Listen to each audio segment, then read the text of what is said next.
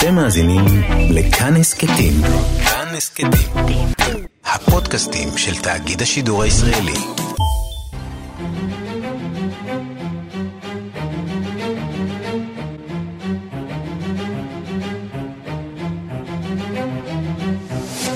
השעה הבינלאומית שלושה במרס 2020 והיום בעולם. ישראל מתאוששים מהבחירות באמריקה נערכים ליום החשוב ביותר בבחירות המקדימות, ה Super Tuesday. 14 מדינות בוחרות את הנציג הדמוקרטי שלהן. אתמול הודיעה המועמדת אימי קלובשאר על פרישתה מהמרוץ, יממה לאחר פיט בוטיג'אג'. אתמול כבר המליץ בוטיג'אג' על המועמד שלו במרוץ. That was always a goal that was much bigger than me becoming president. And it is in the name of that very same goal that I'm delighted to endorse and support Joe Biden for president. תמיד הייתה מטרה גדולה יותר מלהיות נשיא בעצמי, בשם אותו תפקיד, אני שמח לאמץ ולתמוך בג'ו ביידן.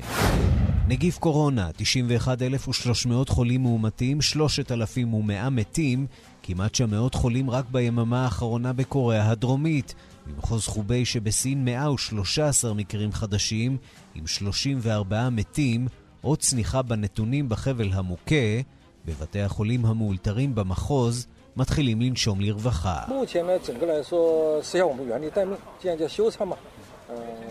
ביקשו מאיתנו להמתין, אומר מנהל בית חולים מאולתר באיצטדיון ספורט. אנחנו משעים כעת את הפעילות, לא סוגרים את בית החולים.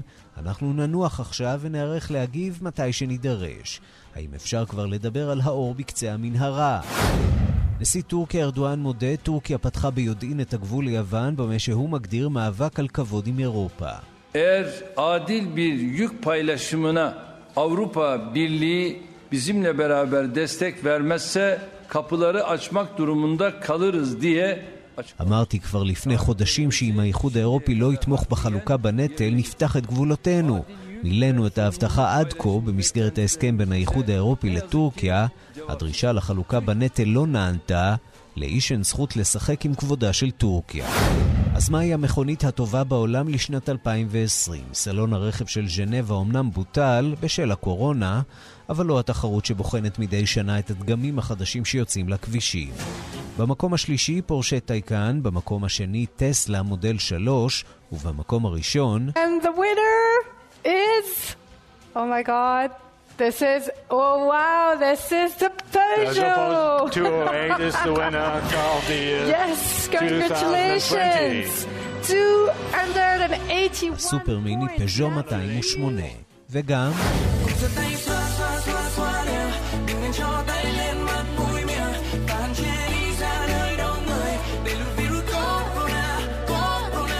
שיר הקורונה שהפיקה ממשלת וייטנאם הפך לסנסציה ואפילו לאתגר טיק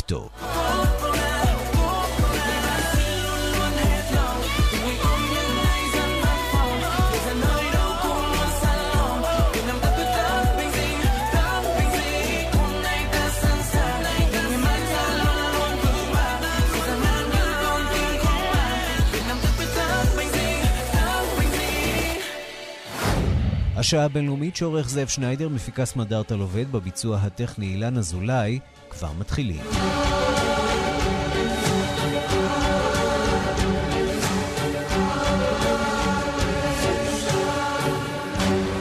שלום רב לכם, יום לאחר הבחירות אה, בישראל, אנחנו פותחים את השעה הזאת, איך אפשר שלא, עם תגובות בעולם. העולם, איך לומר, לא התעניין אה, באופן יוצא מגדר הרגיל במערכת הבחירות אה, הללו. אה, הזאת. זו הייתה מערכת הבחירות השלישית אה, בתוך אה, שנה, ומכאן העניין המועט יחסית, אבל בהחלט עוקבים. בצרפת למשל, שם מעריכים בשלב הזה שראש הממשלה נתניהו יישאר בתפקידו, ומדיניות הממשלה הנוכחית תימשך. בפריז מתכוננים בין השאר למעורבות נמרצת יותר בנושא הישראלי-פלסטיני. שרי החוץ של האיחוד האירופי נערכים לדון בסוף השבוע באופן בלתי רשמי בתוצאות הבחירות בארץ ובקהילה היהודית המאורגנת. מאורגנת ובא אתמול לשביעות רצון על תוצאות הבחירות. מפריז מדווח כתבנו גדעון קוץ. התגובה הרשמית בדרג הבכיר ביותר בצרפת הייתה אמורה להינתן עוד הערב מפי הנשיא עמנואל מקרון במסגרת הסעודה השנתית של מועצת הארגונים היהודים בצרפת. אלא שהסעודה בוטלה בגלל משבר נגיף הקורונה אשר ריתק את הנשיא, בעוד שעובדי מוזיאון הלובר שבמתחמו הייתה אמורה לארח הסעודה, סגרו את המקום.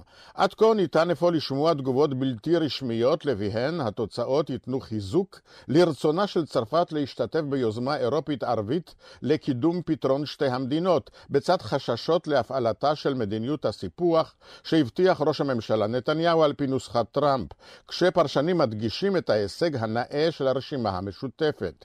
שרי החוץ של האיחוד האירופי יוכלו לדון בהשלכות תוצאות הבחירות במהלך מפגש לא פורמלי שיערכו בסוף השבוע, אבל הדיון וההחלטות הרשמיות מיועדים לסוף החודש. בקהילה היהודית המאורגנת, התומכת ברובה בליכוד ובבנימין נתניהו, נשמעו תגובות של סיפוק והתלהבות. אמצעי התקשורת העוסקים ברובם במשבר הקורונה, מדגישים את הישגו האישי של בנימין נתניהו, המוגדר שוב כקוסם פוליטי, דווקא ערב ההליך המשפטי הצפוי לו החל מבעוד שבועיים. כאן גדעון קוץ, מפריז. מכאן אה, לארצות הברית, איך אה, נראות תוצאות אה, הבחירות משם? שלום ליגאל רביד, כתבנו.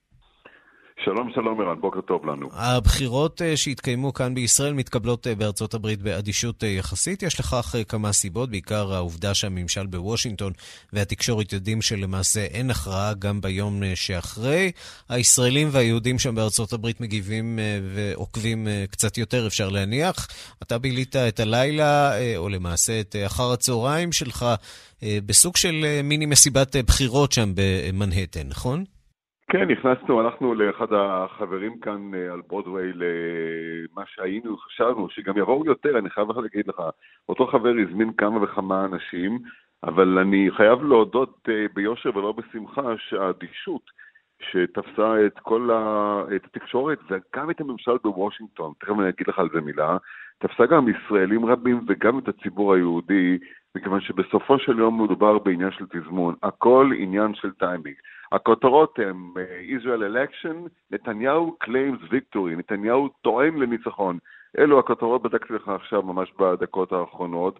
ומה התזמון, על מה אנחנו מדברים? קודם כל הנושאים העיקריים שכולם מדברים עליהם ואתם מדברים עליהם כל הזמן, זה החמרה ביממות האחרונות בנושא הקורונה, מקרי המוות, אה, ההתפתחויות האחרונות שלפיהן רשויות ההגירה והבריאות בארצות הברית בוחנות שיטות שונות, אה, הכינוס של uh, גורמי הבריאות השונים בבית הלבן, הניסיונות כמעט היסטריים של uh, הנשיא טראמפ להביא להחשת הטיפול שיביא לווקסין, לאותו תוצר שיביא לחיסון או ריפוי, וכמובן הבחירות המוקדמות, אותם פריימריז, ה Super Tuesday, Tuesday מחר, הפרישה המאוד מאוד מהדהדת של אימי קלובשר ושל פיט בוטיג'אג' שתומכים בביידן, וההתפתחויות האחרונות אה, סביב ברני סנדרס והבחירות המוקדמות שהיו יומיים קודם. הכל עניין של תזמון. אני חושב שהדבר הכי מעניין, אגב, לא שמעת שום אינדיקציה, שום הודעה רשמית משום גורם כלשהו, האינדיקציה היחידה... למעשה כי התוצאות עדיין, חודש, התוצאות הרשמיות למעשה עדיין לא פורסמו, כן. הם כבר הפנימו, גם התקשורת וגם הממשל הפנימו את מה שאנחנו יודעים, אין עדיין הכרעה ברורה. אין, לא ברור בינתיים. נכון לעכשיו נדגיש שאחרי ספירה של 90% מהקולות, יש 59 מנדטים לגוש הימין, אה, וזו כן. משימה אה, לא מאוד פשוטה לראש הממשלה נתניהו להצליח אה, להרכיב כאן, להבקיע, אם אין יהיו התוצאות. זו משימה מאוד לא פשוטה לכלי התקשורת בארצות הברית להסביר לציבור שלהם, שמתעניין בישראל, אבל גם לכך יש גבול, כאמור. לאור הניסיון, וגם העניין, העניין החוץ היחידי שמעניין בעצם ביממות האחרונות זה הסכם השלום שנחתם עם הטליבן, הסיכויים שלו, הדרך לממש אותו, כמה הוא יביא שקט בזירות אחרות. הדבר היחיד שאפשר אולי להגיד זו אותה התבטאות קטנה, אני מזכיר לך, של הנשיא טראמפ, במסיבת העיתונאים המשותפת עם ראש הממשלה נתניהו בבית הלבן בעת הצגת תוכנית המאה, שה implementation, היישום שלה יתחיל מיד אחרי הבחירות בישראל, איזה מין בחירות זה? מה זה צריך להיות? מישהו יכול להסביר לי? הביע השתוממות, בעצם תיאר גם את מה שאומרים הפרשנים והשדרים האמריקנים, מאנשי פוקס ועד אנדרסון קופר ברשת אה, CNN, ובעלי הטורים, אפילו ברשתות המקומיות, שנצפות לפחות כאן, באזור המזרחי, בניו יורק, על ידי ציבור ישראלי ויהודי גדול. והעניין האחרון, כמובן, ועידת אייפאק, שכמובן אה, לא זכתה להד שלה היא חשבה, או שאולי אנחנו חשבנו ש... אה, היא תזכה כפי שהיא זוכה מדי פעם. עם התבטאויות לא פשוטות של אותם אנשים דמוקרטיים. אפילו הנשיא, המועמד לנשיא, סגן נשיא ביידן, אומר, כן, אני עדיין בעד הסכם שתי המדינות. אני חושב שההחלטה של הנשיא טראמפ על תוכנית המאה היא תוכנית לא טובה שתיצור הרבה בעיות. ומי פתאום התעוררה? מי היחידה שמדברת ומביעה דעה על הבחירות בישראל הבוקר, ערן? מי? תגיד שלום להילרי קלינטון, זוכר אה, אותה מהפעם הקודמת? בוקר טוב, הילרי. היא שוב החמיצה הזדמנות לשתוק ודוקפת את ראש הממשלה נתניהו, אבל המשך יבוא. תודה רבה לך, יגאל רביד במנהטן. תודה, תודה. ואנחנו עוברים אה, משם לוושינגטון. אה, שלום לכתבנו בוושינגטון, נתן גוטמן. שלום, ערן. אנחנו רוצים לדבר uh, בעיקר על uh, מערכת הבחירות שמגיעה uh, למדרגה חשובה, מה שמכונה הסופר טיוזדיי, הבחירות באותן uh, 14 מדינות ברחבי ארצות הברית, ואולי הערב כבר תהיה תמונה ברורה יותר בנוגע למועמדים המובילים, לפחות לגבי השניים המובילים. איפה זה עומד היום? תראה, הכל משתנה ב-24 השעות האחרונות. המרוץ שחשבנו שהולך לכיוון מסוים, התארגן מחדש. התארגן מחדש בגלל שפיט בוטיג'אג' פרש ובגלל שאמי קלובשר פרשה מהמרוץ. ובעצם, אם אנחנו כל הזמן מדברים על שני הנתיבים האלה שמתקדמים לכיוון הוועידה במילווקי, יש לנו את הנתיב הפרוגרסיבי, שם לא השתנה שום דבר. ברני סנדרס מתקדם בגדול, אליזבת וורן עדיין שם, אבל המסלול השני, זה שהיה כל כך צפוף של המועמדים שרצים בזרם המרכזי, פתאום הוא התפנה, בוטיג'אג' יצא, קלובשר יצאה, ועכשיו יש לנו שם את ג'ו ביידן ואת הכוכב החדש שייכנס בפעם הראשונה לבחירות היום, מייק בלומברג, ולכן הכל משתנה כרגע, והכל בעצם מצביע לכיוון איזושהי התחזקות של ביידן, שכבר הספדנו וקברנו אותו, והנה הוא עושה איזשהו קאמבק, ובעיקר זה תלוי בפרישה של פיט בוטיג'אג' ובהחלטה שלו לתמוך, לקרוא לתומכיו להעביר את התמיכה שלהם לג'ו ביידן. בואו נשמע קטע מדבריו. When I ran for president, we made it clear that the whole idea was about rallying the country together to defeat Donald Trump and to win the era for the values that we share. And that was always a goal that was much bigger than me becoming president. And it is in the name of that very same goal that I'm delighted to endorse and support Joe Biden for president. המטרה שלנו תמיד הייתה להביס את דונלד טראמפ, ובשם המטרה הזאת אני um, קורא לתמוך בג'ו ביידן, הוא אומר אחרי שהוא פורש מהאמירות, גם אמי קלובשר אמרה דברים טובים. אפילו בטו אורורק, שפרש כבר לפני מי יודע כמה סיבובים, גם הוא קרא לתמוך בביידן, כך שיש איזשהו מומנטום בכיוון שלו. מי שמסתכל על זה וקצת דואג הוא ברני סנדרס, הוא טיפה להישג מאוד גדול היום, יכול להיות שההישג שלו יהיה יותר קטן. למה? לא בגלל שהקולות האלה בצד המרכזי הם היו עוברים אליו או, או לא עוברים אליו, אלא בגלל שכאשר יש יותר מועמדים, זה בסופו של דבר מתחלק אחרת, וגם יהיו כאלה שלא יעברו את האחוז החסימה של 15%. עכשיו יש לביידן סיכויים לצבור הרבה יותר צירים הלילה, וסנדרס מסתכל מהצד ולא מאבד תקווה שחלק מהבוחרים האלה יעברו בכל זאת אליו. הנה קטע מהדברים שלו. And tonight I want to open the door to Amy's supporters, to Pete's supporters. I know that there are political differences, but I also know that virtually all of Amy's support and Pete's support understand that we have got to move toward a government which believes in justice, not greed. השאלה היא אם הוא יכול, אם יש איזשהו סיכוי, אם יש לסנדרס משהו להציע לבוחרים האלה מהזרם המרכזי, כדי שיעברו אליו ולא לביידן או לבלומברג, ואת זה אנחנו נראה אולי היום. נזכיר, 14 מדינות בוחרות היום, אבל העיניים הן בעיקר על קליפורניה, שם הפרס הגדול, הכי הרבה צעירים יחוקו שם, ועל טקסס, אבל גם מדינות אחרות שאנחנו מתעניינים בהן, אה, מינסוטה למשל, מדינת הבית של אמי קלובשר, אה, מדינות דרומיות מעניינות כמו אלבמה וארקנסו. הזכרת את אה, בלומברג, יש לבלומברג באמת סיכוי לגרוף פה אולי משהו מהקולות האלה של מצביעי המרכז הפוליטי, שאולי מעדיפים שלא להצביע לג'ו ביידן? זאת התוכנית של בלומברג. בגדול, הוא השקיע 300 מיליון פלוס דולר ברגע הזה, ביום הזה, במדינות האלה של Super Tuesday, מתוך תקווה שהוא ממצב את עצמו בתור הג'ו ביידן היותר טוב, היותר קוהרנטי, היותר הם, הם, מחובר לאנשים, זה שיכול לארגן קמפיין טוב יותר, זאת התקווה שלו. הסקרים מראים ככה ככה, אבל השאלה של בלומברג בסוף היום הזה תהיה לא איזה מדינות הוא מנתח, הוא לא ינצח באף מדינה, אבל הוא יצבור צירים. השאלה אם הוא צובר מספיק צירים כדי להצדיק את המשך המרוץ הזה, והכל בא מהכיס שלו, אז הוא גם צריך לשלם על זה, אה, האם הוא רוצה להמשיך בזה, או שהוא מסתכל על המצב אחרי ששליש מהבוחרים אה, כבר אה, הצביעו ואומר, אין פה מסלול קדימה, אני צריך לפרוש, אבל הוא בהחלט מקווה שהיום הזה יהיה היום שיזניק אותו קדימה. ובואו נזכיר עוד אחד שמסתכל מן הצד, נהנה ובוחש ומאיר ומצייץ על כל הדברים האלה, זהו כמובן הנשיא דונלד טראמפ, שעוקב כנראה מאוד מקרוב אחרי הבחירות בצד הדמוקרטי, כי יש לו מה להגיד כל הזמן בהצהרות שלו על ההתפתחויות שם. הנה ההערות האחרונות של הפרשן הפוליטי דונלד טראמפ. No matter which Democrat candidate you're talking about, and you understand that any one of these candidates, and you see what's happening, right? They're all now, it's being rigged against, it's sad, it's being rigged against Crazy Bernie. Crazy Bernie's gonna go crazy. So Mayor Pete, boot edge.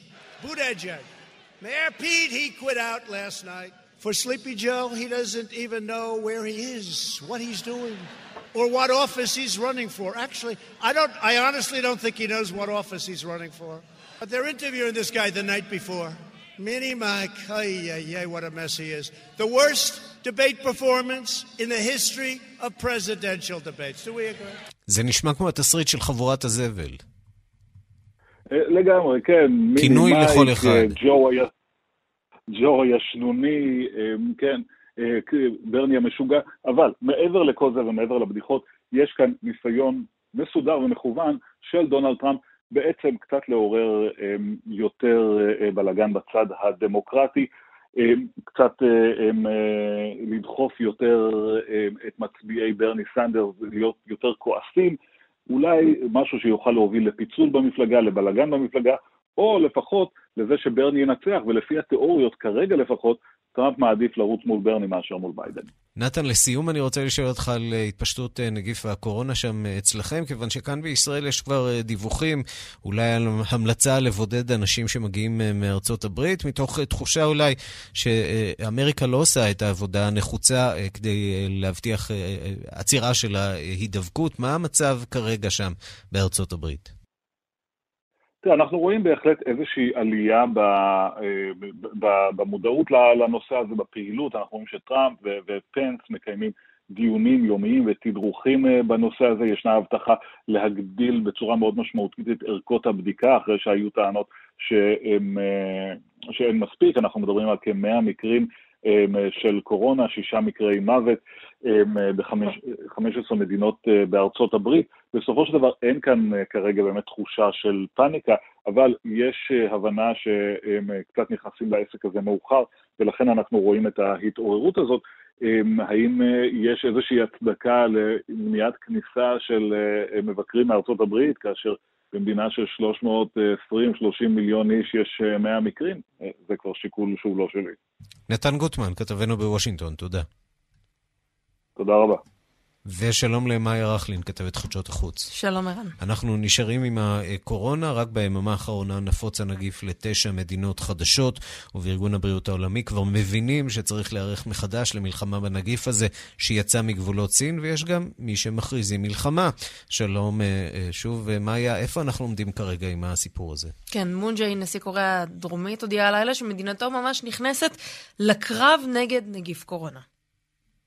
대구 경북의 위기는 최고조에 달했고 국가 전체가 감염병과의 전쟁에 돌입했습니다. כל המדינה תחל במלחמה נגד התפשטות המחלה והמשבר הזה שכבר הגיע לשיאו, כך אומר מון ג'אין. בקוריאה הדרומית נדבקו יותר מחמשת אלפים בני אדם, הכי הרבה נדבקים מחוץ לסין. ושים לב לנתון הבא, ערן, ביממה האחרונה הודיעו בסיאול על 600 נדבקים, ובסין על 125 בלבד. רק בקוריאה נדבקו ביממה האחרונה פי חמישה יותר מבסין. מטורף. זה, זה שינוי, אה, שינוי לחלוטין. מגמה. לחלוטין. בארגון הבריאות העולמי מבחינים במגמה הזאת ומסמנים את הנקודות המסוכנות מבחינתם. שים לב לדברים שאמר אתמול יושב הראש של ארגון הבריאות העולמי. In the last 24 hours there were almost nine times more cases reported outside China than inside China. The epidemics in the Republic of um, uh, Korea, Italy, Iran, and Japan are our greatest concern. כך אומר טטרוס אדנהום. הוא אומר, אה, ב-24 השעות האחרונות דווחו פי תשעה יותר מקרים מחוץ לסין מאשר בתוכה. נתון שלפני חודש לא היינו יכולים mm-hmm. אפילו להעלות בדעתנו שזה מה שיקרה. הדאגה המרכזית שלנו, הוא מוסיף, היא מהתפשטות המגפה בקוריאה, יפן, איראן ואיטליה. גם באירופה מאוד מאוד מודאגים מארץ המגף. הנגיף גבה שם את חייהם של 52 בני אדם ויותר מ-2,000 נדבקו.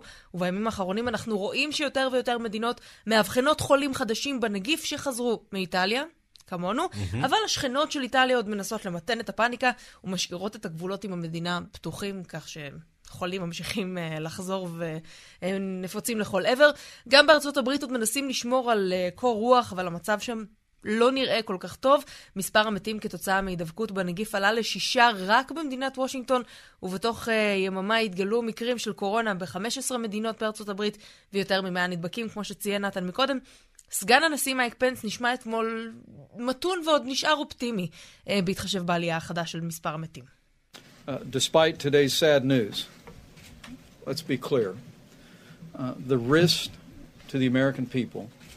of the coronavirus remains low, according to all of the experts that we're working with across the government. And as the President has said, uh, we're ready for anything. על אף החדשות העצובות היום נבהיר, הסיכון לתושבי ארצות הברית נותר נמוך, כך לפי כל המומחים שאנחנו עובדים איתם בממשל, אומר מייק פנס, וגם הנשיא טראמפ ציין את זה, אנחנו מוכנים להכל. לסיום ערן, בואו נחזור רגע לאיראן, שם המצב באמת יכול להיות שיצא משליטה, כן. ואנחנו פשוט לא יודעים על זה. סגן יושב ראש הפרלמנט האיראני מדווח היום ש-23 מחברי המג'לס נדבקו שם. בין החברים שנדבקו גם ראש הוועדת uh, החירום של איראן.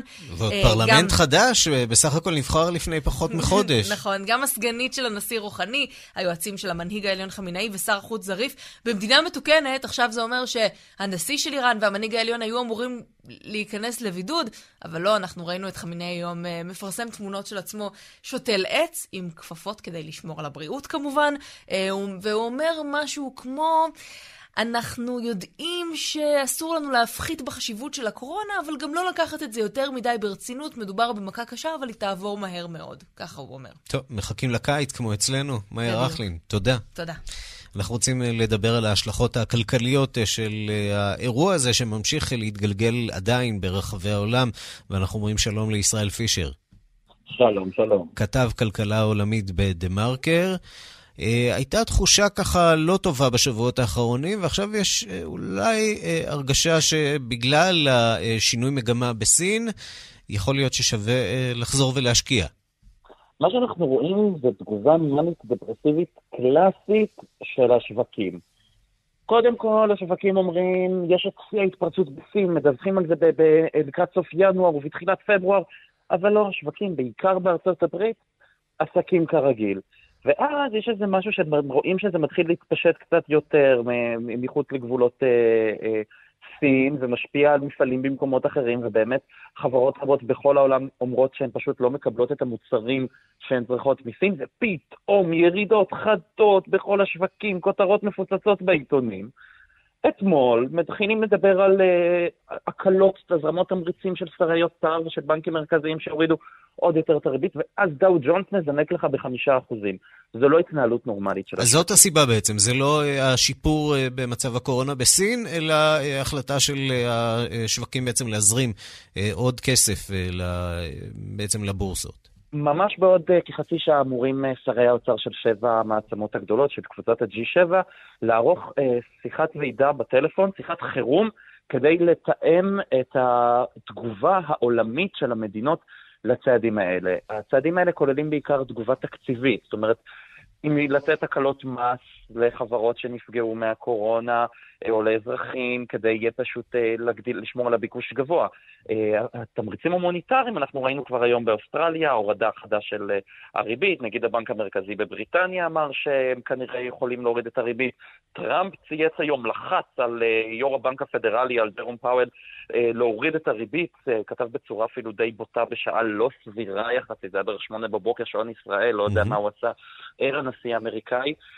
אבל כן, חושבים על, על הורדת ריבית, ובעצם זה ניפוח מלאכותי, הזרמת, תמריצית, הזרמת תמריצים לשוק כדי שהביקוש לא ייפגע, כדי שמה שקורה, שמשבר בשרשרת האספקה, שחברות בכל העולם, בגלל השבתת המפעלים בסין, לא מקבלות את המוצרים שהן צריכות כדי לייצר במקומות אחרים. נחשוב על ענף התרופות למשל, mm-hmm. גם אם יש מפעל תרופות בישראל או בארצות הברית או באירופה, הוא מקבל חלק גדול מהכימיקלים הדרושים למהלך, להליך הייצור, הוא מקבל אותם מסין, ואז כשבסין לא מייצרים את הכימיקלים האלה, הוא תקוע. לעומת זאת, כשסין uh, הולכת ומשתקמת והמפעלים שם uh, חוזרים לפעול, לעומת זאת, אנחנו רואים יותר ויותר מדינות uh, אחרות, באירופה למשל, שהולכות ומשתתקות להן. איך זה משפיע על המגמה? זה קודם כל, הבעיה הגדולה היא שלא באמת יודעים מה קורה בסין. כי גם עכשיו יש איזושהי חזרה לפעילות בסין, mm-hmm. אבל גם עכשיו הרבה חברות מדווחות על זה שהפעילות מאוד מצומצמת, והם לא באמת יכולים לדעת עד כמה הסינים אומרים, אה, אה, אז אנחנו חוזרים לעסקים כרגיל, ועד כמה זה קורה במציאות. באירופה אנחנו יכולים לראות, אה, בעיקר באיטליה, יכולים לראות בעיות יותר נקודתיות, זה לא השבתה.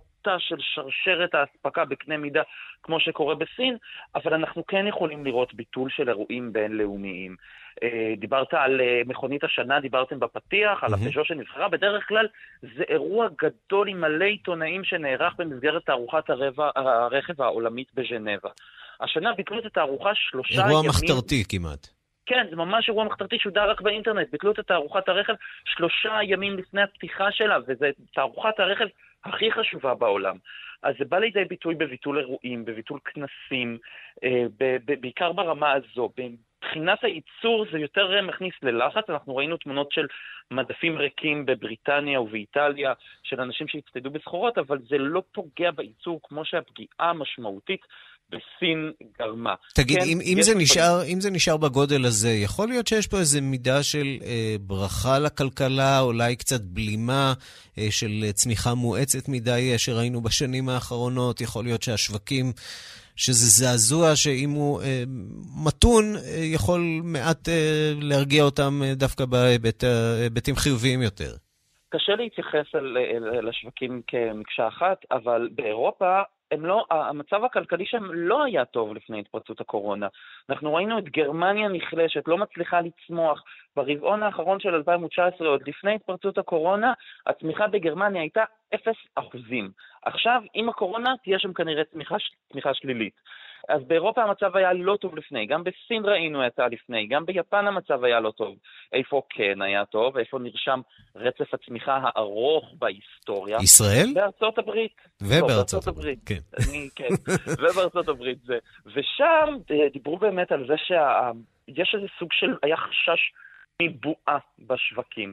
אז יכול להיות שחלק מהירידות החדות באמת שראינו בשבוע שעבר, זה היו גם תחת תירוץ של אוקיי, בואו נוציא קצת את האוויר מהשווקים, כי אולי באמת הגזמנו טיפה לפני, אה, אבל את ההשפעות הכלכליות האמיתיות אנחנו נצטרך לראות רק בנתוני המאקרו שהתחילו לפורסם, להיות מפורסמים בשבועות הקרובים, של עד כמה נפגע שוק התעסוקה האמריקאי באמת, עד כמה נפגע הסחר האמריקאי כן. מהקורונה, ורק אז נדע אם הירידות היו איזשהו כיסוי להוצאת אוויר קצת uh, מהבועה של הבורסות, לבין uh, איום ממשי על הכלכלה. ישראל פישר, כתב כלכלה עולמית בדה-מרקר, תודה רבה. תודה רבה, להתראות. השעה הבינלאומית אנחנו להתכתשות בין טורקיה למשטר אסד בצפון מערב סוריה. היא נמשכת, היום טורקיה מפילה מטוס קרב של חיל האוויר הסורי.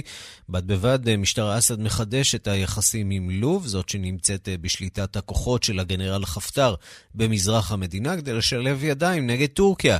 שלום לכתבנו לענייני ערבים רועי קייס. שלום ערן. אז uh, התפתחויות uh, שם בזירה הזאת. כן, אז למי שציפה לאיזושהי רגיעה בחזית הבוערת בצפון מערב סוריה בין ארדואן לאסד, אסד, אז הוא כנראה יצטרך לחכות. הקרבות נמשכים ביתר שאת בין הכוחות של אסד לבין, אה, לבין פלגי המורדים שנתמכים בידי טורקיה. גם גורמי אופוזיציה סוריים הודו שהמשטר השתלט שוב על העיר סראקיב בפרבר הדרומי-מזרחי של אידליב, עיר אסטרטגית שנמצאת במוקד הקרבות בין הצדדים.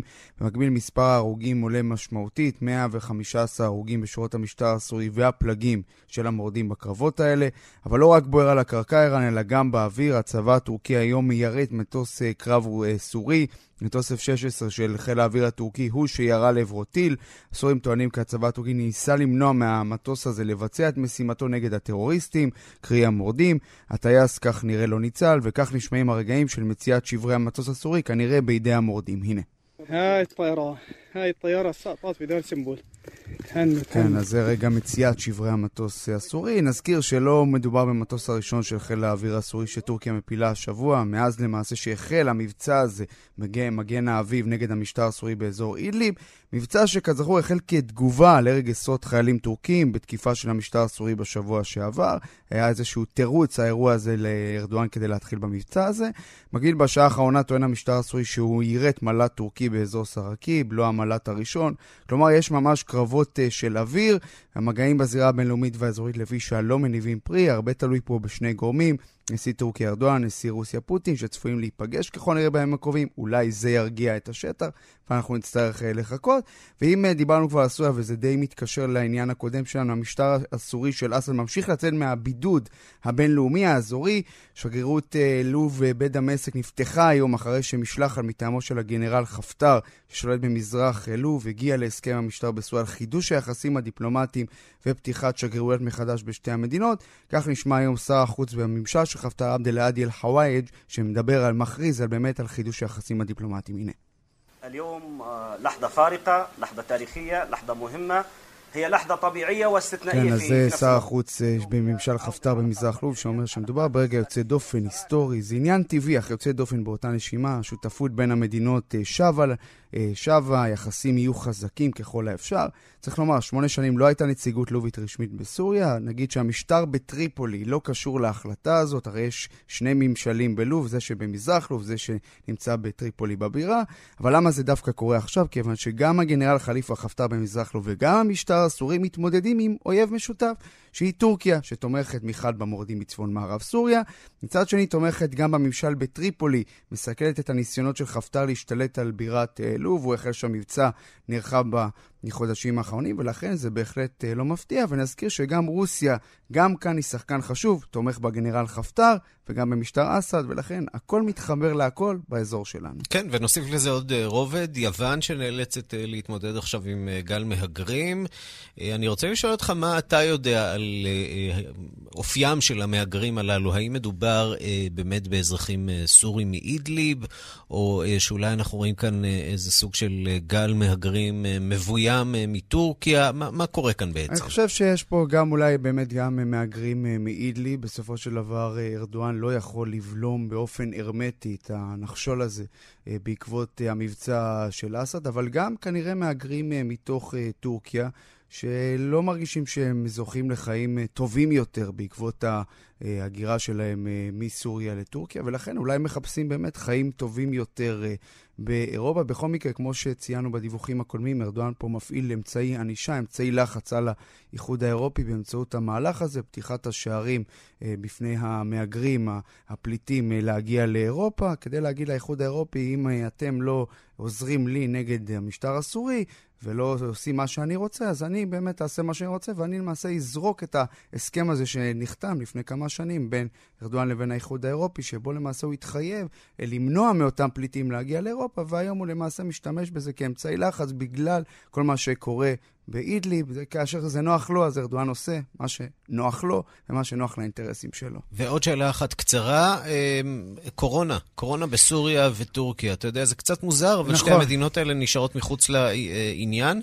יש איזשהו אה, עדכון בנושא לא, הזה? אני, אני מניח שאת האירופים זה מאוד מאוד מעניין אם יש אה, התפרצויות שם. נכון, תראה, הקורונה, צריך לומר, היא מתפשטת אה, יותר למדינות באזור שלנו. אתמול שמענו על מקרה ראשון בירדן, מקרה ראשון במרוקו, מקרה ראשון בסעודיה. דווקא בסוריה אנחנו לא שומעים על מקרים של הדבקה של קורונה, היו כל מיני שמועות, דברים בסגנון הזה, אבל לא משהו מוכח, וגם בטורקיה, לפי מה שאנחנו יודעים, אין עדיין מקרי הדבקה של קורונה, ייתכן, אבל רק, רק, זו רק שאלה של זמן עד שאנחנו נשמע על מקרים כאלה, כי בסופו של דבר הנגיף הזה מתפשט באזור, וכמו שאמרנו אתמול, שלוש מדינות נוספו למעגל נדבקי הקורונה באזור. רועי קייס, כתבנו לענייני ערבים, תודה. תודה. ושלום לנמרוד גורן. שלום. חוקר אה, טורקיה, דוקטור אה, נמרוד גורן, אה, ראש מתווים, המכון הישראלי למדיניות חוץ אזורית, מרצה באוניברסיטה העברית על טורקיה. אנחנו רואים באמת את גל הפליטים הזה שצובא עכשיו על הגבולות היוונים, כוחות הביטחון של יוון מפזרים אותם בצורה, איך נאמר, לא נחמדה, מפזרים עליהם גז מדמיע, מחרימים להם כסף, לוקחים להם את הדרכונים על פי הטענות שלהם, את המסמכים. מה בעצם מנסה לעשות טורקיה כשהיא מייצרת את העימות הישיר הזה בין הפליטים לבין כוחות הביטחון היוונים? טורקיה משתמשת בנושא של הפליטים בשנים האחרונות כמנוף לחץ על האיחוד האירופי. בהמשך לאותו הסכם שנחתם ביניהם לפני אה, כמה שנים, שאירופה הראתה נכונות מאוד גדולה לפעול כדי לשמר אותו. אירופה הייתה מוכנה ללכת לקראת ארדואן, להעניק לו סיוע כספי, עם כל הביקורת שיש באיחוד האירופי על ההתנהלות של ארדואן, וארדואן קצת ממנף את זה. אה, ממש אה, עכשיו גם שמענו איך ארדואן נעזר במה שקורה ביוון, התגובה היוונית הקשה מול הפליטים, כדי לסרב לפסגה עם ראש הממשלה היווני, שבולגריה ניסתה לכנס. בגלל שהוא מאשים את היוונים בנקידת כוח מופרז ואלימות. Mm-hmm. כלומר, יש פה גם איזושהי הזדמנות אה, להציג את עצמו כמגן הפליטים אל מול ההתנהלות היוונית האכזרית לדבריו. אז זה נראה כאילו שזה הולך אה, אולי לקראת איזה סוג של עימות בין היוונים לטורקים, וזה לא יהיה העימות היחיד שטורקיה עסוקה בו, שקועה בו עד צוואר עכשיו. האם זה אינטרס של טורקיה בכלל להבעיר את הזירה הזאת מול היוונים? קודם כל ההקשר הוא רחב יותר, יוון כמדינה חברה באיחוד האירופי הופכת את הסיפור הזה לסיפור שהוא, שהוא אירופי אה, במהותו. אה, שר החוץ החדש של האיחוד האירופי, ג'וזף בורל, מגיע לאנקרה לשיחות, חלק ממהלכים דיפלומטיים נרחבים שקורים בימים האחרונים, חלקם מתמקדים באידליב, חלקם מתמקדים בסוגיית הפליטים, אבל הדברים האלה מחוברים.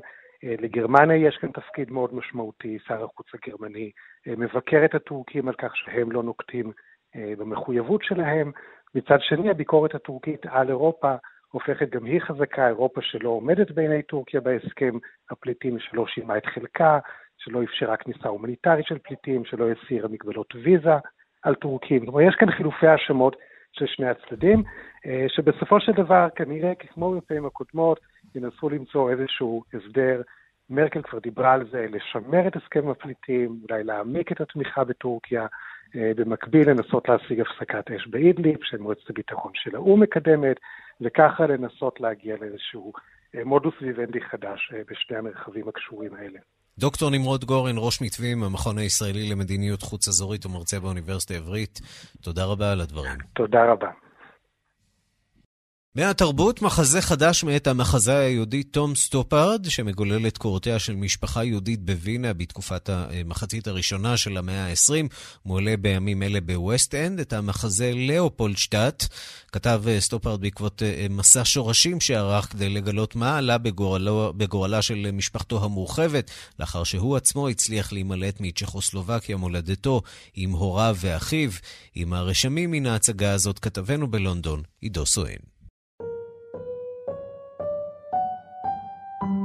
מחזהו החדש של תום סטופארד, מגדולי המחזאים הפועלים כיום בבריטניה, מגולל את קורותיה של משפחה יהודית מבוססת בווינה לאורך ארבעה דורות, מ-1899 ועד 1955. כפי שאפשר לשער, לא מדובר בסיפור עם happy ending, אבל זה לא צריך להרתיע כל חובב תיאטרון מללכת ולצפות בו.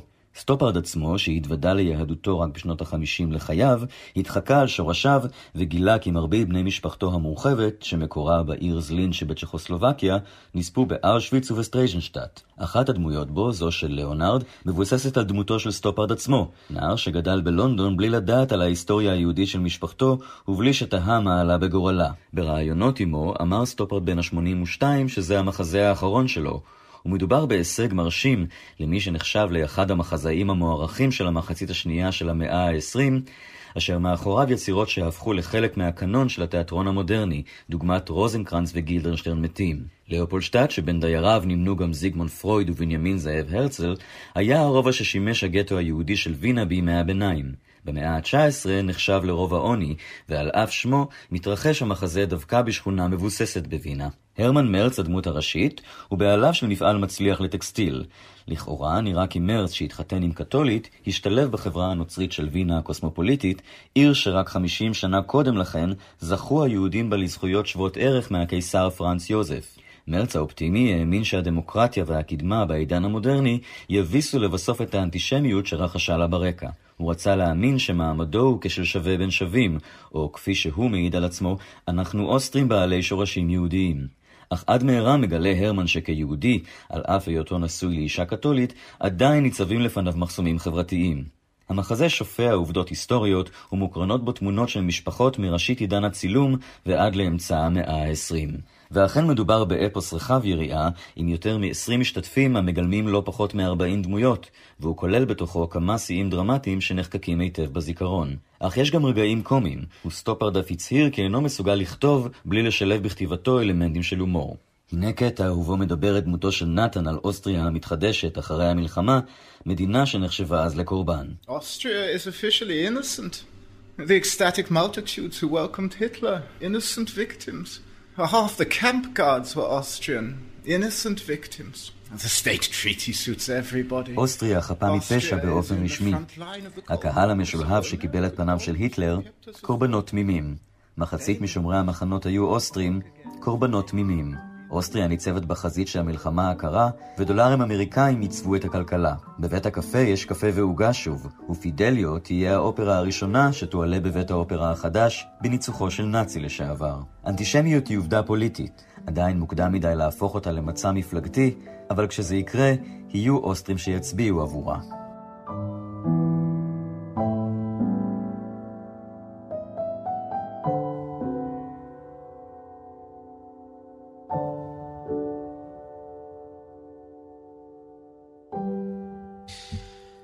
נקדיש עכשיו כמה דקות לג'יימס ליפטון, מגיש אה, סטודיו למשחק שהלך לעולמו בגיל 93. אה, אה, שלום ליונתן גת, מגיש התוכנית גיבור תרבות בכאן תרבות, מרצה בענייני תרבות.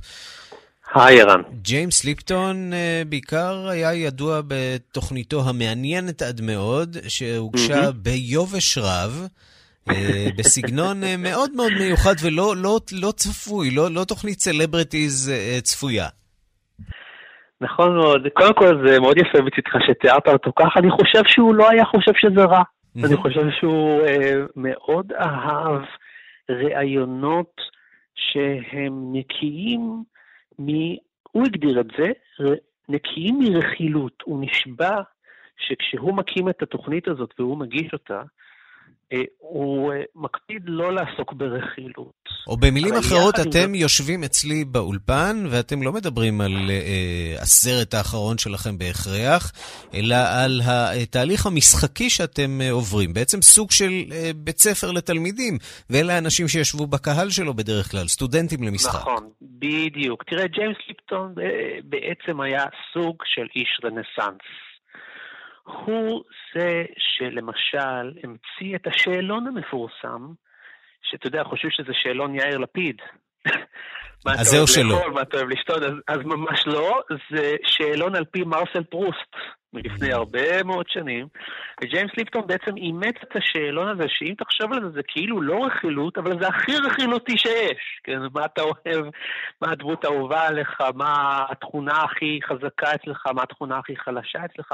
רק שהוא ידע לעשות את זה בצורה כזאת, שגרמה לתוכנית שלו להופיע בערוץ 8 ולא בערוץ הבידור לצורך העניין.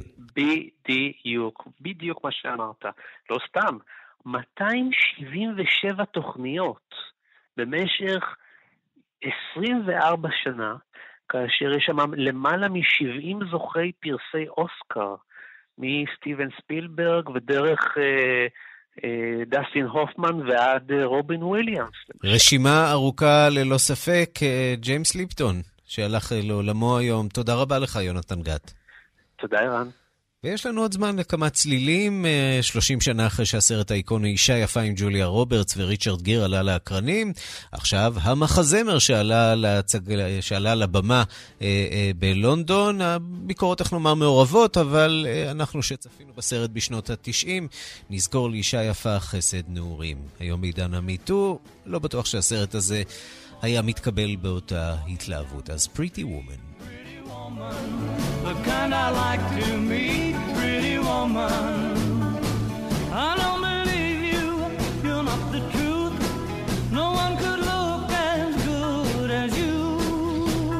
עד כאן השעה הבינלאומית מהדורת יום שלישי, העורך זאב שניידר, מפיקות סמדארטה לובד ואורית שולץ, הטכנאים אילן אזולאי ושמעון דורקרקר, אני ערן סיקורל, אחרינו רגעי קסם. עם גדי לבנה, אנחנו נפגשים שוב בשתיים בלילה וגם מחר בשתיים בצהריים עם עוד מהדורה של השעה הבינלאומית. להתראות.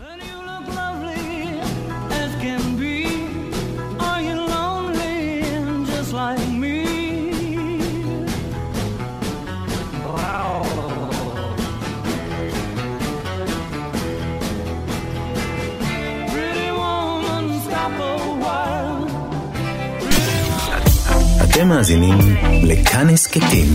כאן הסכתים. הפודקאסטים של תאגיד השידור הישראלי.